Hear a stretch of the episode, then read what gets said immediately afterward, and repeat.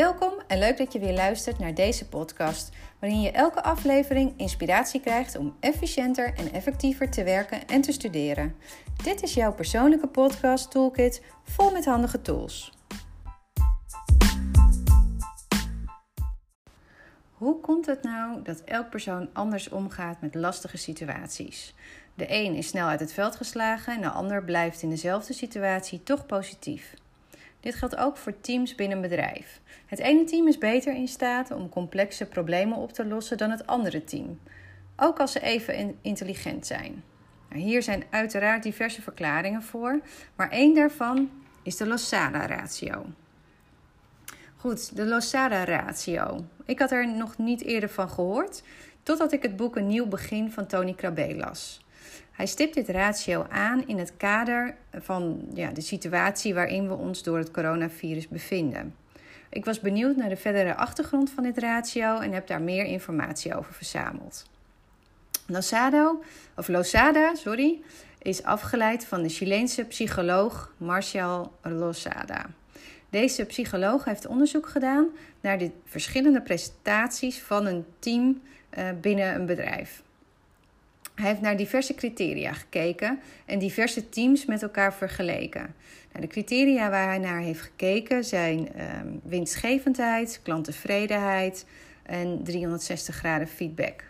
Uit dit onderzoek bleek dat teams die positief ingesteld waren veel beter kunnen samenwerken en sneller uh, tot oplossingen kunnen komen dan negatief ingestelde teams.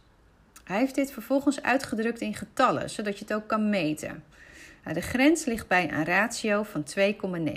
Wat houdt het nou eigenlijk in?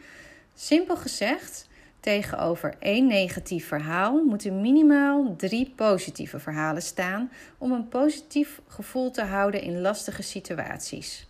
Dit wordt dus het, uh, ja, de Losada-ratio genoemd.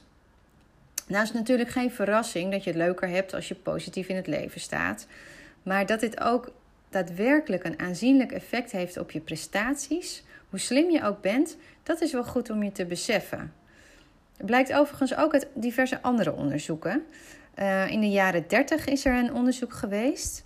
En misschien uh, ken je wel het Hawthorne-effect. In de jaren 30 werden namelijk fabrieken onderzocht. Um, en daarbij keken ze welke effecten de arbeidsomstandigheden hadden op de prestaties van de arbeiders. De nadruk lag daarbij grappig genoeg op onder andere licht en verwarming. Bij de ene groep deden ze hier niets mee en bij de andere groep maakten ze het licht en de verwarming zo comfortabel mogelijk. Nou, vervolgens keken ze wat het effect was op hun prestaties. En ze merkten echter dat ook de groepen waarbij niets werd gedaan aan licht en verwarming, die presteerden toch beter. Nou, dat zijn ze verder gaan onderzoeken. Ze hebben gesprekken met de arbeiders gevoerd. En uh, daaruit bleek dat de aandacht van de leidinggevende en de onderzoekers uh, eigenlijk zeer motiverend waren. Of ze, ze ervaarden dat als zeer motiverend. En er groeide een soort groepsgevoel, wat erg stimulerend was. Ja, deze uitkomst en dit onderzoek heeft eigenlijk het begin van het HR-management ingeleid, zoals we dat tegenwoordig kennen. Een ander voorbeeld daarvan is het Pygmalion-effect. Kort gezegd kwam dit onderzoek erop neer dat aan docenten werd verteld dat sommige studenten in hun groep cognitief sterker waren dan andere studenten. Wat zij echter niet wisten is dat die studenten willekeurig uh, waren gekozen door de onderzoekers.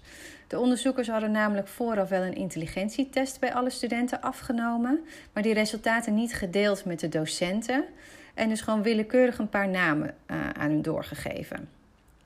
Een paar maanden later hebben de onderzoekers de studenten nogmaals getest. Nou, hieruit bleek gelukkig wel dat alle studenten beter scoorden, dus ze hadden wel daadwerkelijk wat geleerd in die paar maanden. Um, alleen de zogenaamde sterkere studenten, oftewel de studenten waarvan de docent dacht dat ze beter waren, die hadden relatief gezien nog beter gescoord. Hieruit blijkt dus onder meer dat een positieve en motiverende aandacht niet alleen een enorme invloed heeft op je eigen prestaties, maar ook op die prestatie van, eh, van de mensen om je heen. Nou, dan kom ik weer even terug op dat Losada-ratio. Want wat kun je daar nou mee in de praktijk? Uitgaande van die ondergrens van 2,9 betekent dit dus dat als je een negatief verhaal tot je neemt, je minimaal drie positieve verhalen moet absorberen om een positieve mindset te houden. Nou, in, de in de huidige tijd met alle corona-verhalen en negatieve inzichten over de economie, is het dus belangrijk om hier niet in te zwelgen. Zorg dus dat je dit nieuws filtert of de momenten waarop je het nieuws doorneemt beperkt tot een paar vaste momenten per dag. En zorg er dan vooral ook voor dat je voldoende leuke informatie tot je neemt. Vergeet ook niet dat dit ook zo werkt voor de mensen waar je mee samenwerkt. Dus als jij heel veel negativiteit uitstrooit over anderen, is dat niet alleen vervelend voor de sfeer, maar zij gaan er dus ook minder goed eh, van presteren. En daar heb jij uiteindelijk zelf natuurlijk ook weer last van. Nou goed, positieve informatie tot je nemen kan op, op verschillende manieren.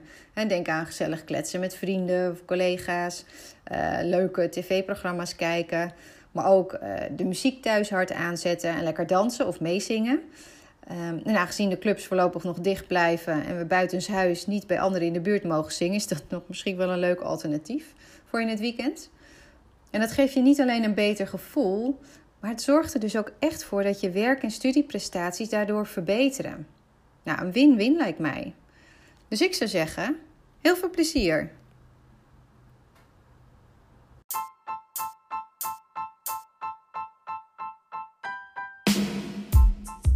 Dit was weer een tool voor jouw persoonlijke podcast toolkit. Dankjewel voor het luisteren. Vond je dit een nuttige podcast? Deel hem dan graag met anderen. Wil je meer tools? Abonneer je dan op deze podcast zodat je als eerste op de hoogte bent als er weer een nieuwe aflevering klaar staat. Tot de volgende keer.